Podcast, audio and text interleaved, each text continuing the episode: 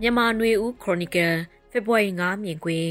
စာတင်ကြောင်ဘုံကျဲခံရပြီးကလေးငယ်လေးဦးတေဆုံးရတဲ့ကြေကွဲဒေါသထွက်စရာဖြစ်ရဲ့ကရင်နီပြည်ရခင်ကကရားပြည်နယ်ဒီမော့ဆိုမြို့နယ်ထဲက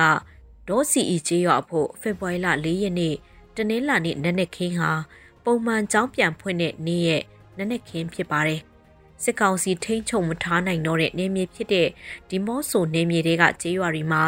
ကလေးသူငယ်တွေအတွက်စာသင်ကျောင်းတွေကိုကြားကာလအုပ်ချုပ်ရေးနဲ့ဒေသတွင်းအရက်ဖက်ဖွဲ့စည်းတွေကစီစဉ်ဖွင့်လှစ်ထားတဲ့စာသင်ကျောင်းတွေထဲကတစ်ကျောင်းဖြစ်တဲ့ကျေးရွာစာသင်ကျောင်းဟာဖေဖော်ဝါရီလ၄ရက်နေ့နနက်ခင်းစာသင်ချိန်စတင်ပြီးနောက်တနာရီအကြာလောက်မှာစစ်ကောင်စီလေးတပ်ကလေရင်တွေလာရောက်ခဲ့ချိန်မှာတော့မျော်လင့်မထားတဲ့ဖြစ်ရပ်တွေဖြစ်ပွားခဲ့တာဖြစ်ပါတယ်။ကလေးသူငယ်တွေစာသင်ကြားနေတဲ့စာသင်ကျောင်းကိုစစ်ကောင်စီလေးတပ်ရဲ့တိုက်လေရင်ကပြစ်မှတ်ထားပြီး ဘုံကျဲခဲ့ရမှာစာသင်ခန်းတွေကចောင်းသားចောင်းသူတွေတေဆုံးတန်ရာရခဲ့ကြတာပါဘုံပေါက်ကွဲမှုကြောင့်တေဆုံးရတဲ့ကလေးသူငယ်တွေတစားစီဖြစ်သွားတယ်လို့ဆိုရအောင်ပဲဥခေါင်းတွေကိုခန္ဓာအစိတ်ပိုင်းတွေတစားစီကွဲပြားပြီးအသက်ဆုံးရှုံးခဲ့ကြရတယ်လို့ထိခိုက်ဒဏ်ရာရတဲ့ကလေးငယ်တွေလည်းတဒါဇင်ကျော်ရှိတဲ့အကြောင်းသတင်းတွေမှာဖော်ပြထားကြပါတယ်ကလေးသူငယ်တွေစာတင်နေတဲ့စာတင်ကျောင်းကိုစစ်ကောင်စီကတိုက်ခိုက်တာ ဒါပထမဆုံးအကြိမ်တော့မဟုတ်ပါဘူး။စကိုင်းမှာချင်းမှာကရင်နီဒေသမှာပြီးခဲ့တဲ့နှစ်နှစ်ကျော်သုံးနှစ်တာကာလအတွင်းတကြိမ်မကဖြစ်ပျက်ခဲ့တဲ့ဖြစ်စဉ်တွေဖြစ်ပါတယ်။အချို့သောတိုက်ခိုက်မှုတွေမှာတော့ចောင်းသားចောင်းသူတွေစာတင်နေချိန်နဲ့မတိုက်ဆိုင်လို့အသက်သေးဆုံးတာမရှိခဲ့တဲ့ဖြစ်ရပ်တွေလည်းရှိနေမှာဖြစ်ပေမဲ့စိုးရွားတဲ့အဖြစ်ပြက်တစ်ခုကဒီဘေးရင်မြို့နယ်လက်ရက်ကုန်းကျေးရွာစာတင်ကျောင်းကိုရဟရင်20နဲ့ 45မိနစ်နီးပါးပြစ်ခတ်တိုက်ခိုက်မှုမှာចောင်းသားចောင်းသူ9ဦးအနည်းဆုံးသေဆုံးပြီးကြေးရွာသူကြေးရွာသား10ဦးသေဆုံးက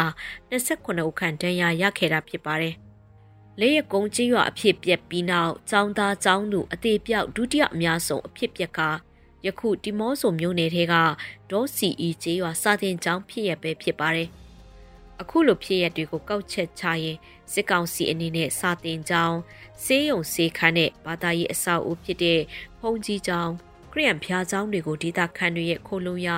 စုဝေးရာ၎င်းတို့ကိုခုခံတိုက်ခိုက်နေတဲ့ကာကွယ်တပ်ဖွဲ့တွေစခန်းချရာဆိုတဲ့အမှတ်နဲ့ပြစ်မှတ်ထားတိုက်ခိုက်တဲ့သဘောလို့ကောက်ချက်ချရပါတယ်။ကာကွယ်တပ်ဖွဲ့တွေအဲ့လိုနေရာတွေမှာတက်ဆွဲသည်ဖြစ်စေမဆွဲသည်ဖြစ်စေ စစ်ကောင်စီအနေနဲ့တရင်ထောက်လှမ်းခြင်းမပြုဘဲပြစ်မှတ်ဖြစ်တတ်မှတ်ကတိုက်ခိုက်နေတာဖြစ်ပြီးဒီဖြစ်ရတွေကစစ်ကောင်စီဘက်ကကျူးလွန်တဲ့စစ်ရာဇဝတ်ပြစ်မှုတွေကိုပုံမိုကြီးလေးစေပြီးထင်ရှားစေမှာဖြစ်ပါတယ်စစ်တပ်အနေနဲ့စစ်အာဏာမသိမ်းမီကလေးကရိုဟင်ဂျာလူမျိုးသုံးသက်ဖြတ်မှုလူမျိုးတွေကိုကဘာတိကျိုးလွန်ခဲ့တယ်လို့စစ်အာဏာသိမ်းပြီးနောက်မှာလဲစစ်ရာဇဝတ်မှုတွေတခုမကကျိုးလွန်ခဲ့တာဖြစ်လို့၎ င်းတို့အဖို့မထူးဆန်းတယ်လို့ဖြစ်နေတဲ့အနေအထားလို့ဆိုရမှာဖြစ်ပါတယ်။တော်လှန်ရေးအင်အားစုတွေဖို့တော့စစ်ကောင်စီတပ်တွေကိုတိုက်ခိုက်ဖို့ထပ်ပြီးတွန်းအားပေးလိုက်တဲ့ဖြစ်ရပ်တစ်ခုဖြစ်ပါတယ်။ကပ်ပလိုမျိုးတွေကပစီကြီးကျေးရွာဘုံကျဲတိုက်ခိုက်မှုလိုမျိုးမှလည်းစာတင်ကြောင်းမဟုတ်ပေမဲ့အရက်သားရာကနန်းနဲ့ချီတနေရာတည်းသေဆုံးရတဲ့လေးချောင်းတိုက်ခိုက်မှုမျိုးရှိသလို ဖားကန်နံပါစခန်းအနီးဒေဂီတာဖြိုဖြေးပွဲကိုလေးချောင်းကတိုက်ခိုက်ခဲ့လို့ KIA တပ်ဖွဲ့ဝင်နဲ့အရက်သားစုစုပေါင်းလူ60ထက်မနည်းသေဆုံးခဲ့ရတဲ့အဖြစ်ပြက်လိုင်ဇာမြို့အနီးမုံလက်ခတ်ကြေးရွာပစ်ခတ်တိုက်ခိုက်မှုတွေကလေကြောင်းတိုက်ခိုက်မှုကြောင့်အသက်ဆုံးရှုံးရတဲ့အဖြစ်ပြက်တွေဖြစ်ပြီးထိခိုက်သေးဆုံးကြရသူရာနဲ့ချီရှိနေတာဖြစ်ပါတယ်။ မြန်မာနိုင်ငံကပြည်တွင်းစစ်ဖြစ်ပွားလာတာစစ်စုနှစ်ခုခုကျော်ရှိခဲ့ရမှာလေကြောင်းတိုက်ခိုက်မှုတွေကအချို့သောတိုက်ပွဲတွေမှာရှိခဲ့ပေမဲ့လည်းအခု2021ခုနှစ်နောက်ပိုင်းလိုနေ့စဉ်ရက်ဆက်နိုင်ငံရဲ့နေရာအနှံ့ပြားတိုက်ခိုက်နေတာမျိုးကမရှိခဲ့မဖြစ်ပျက်ခဲ့ဘူးပါဘူး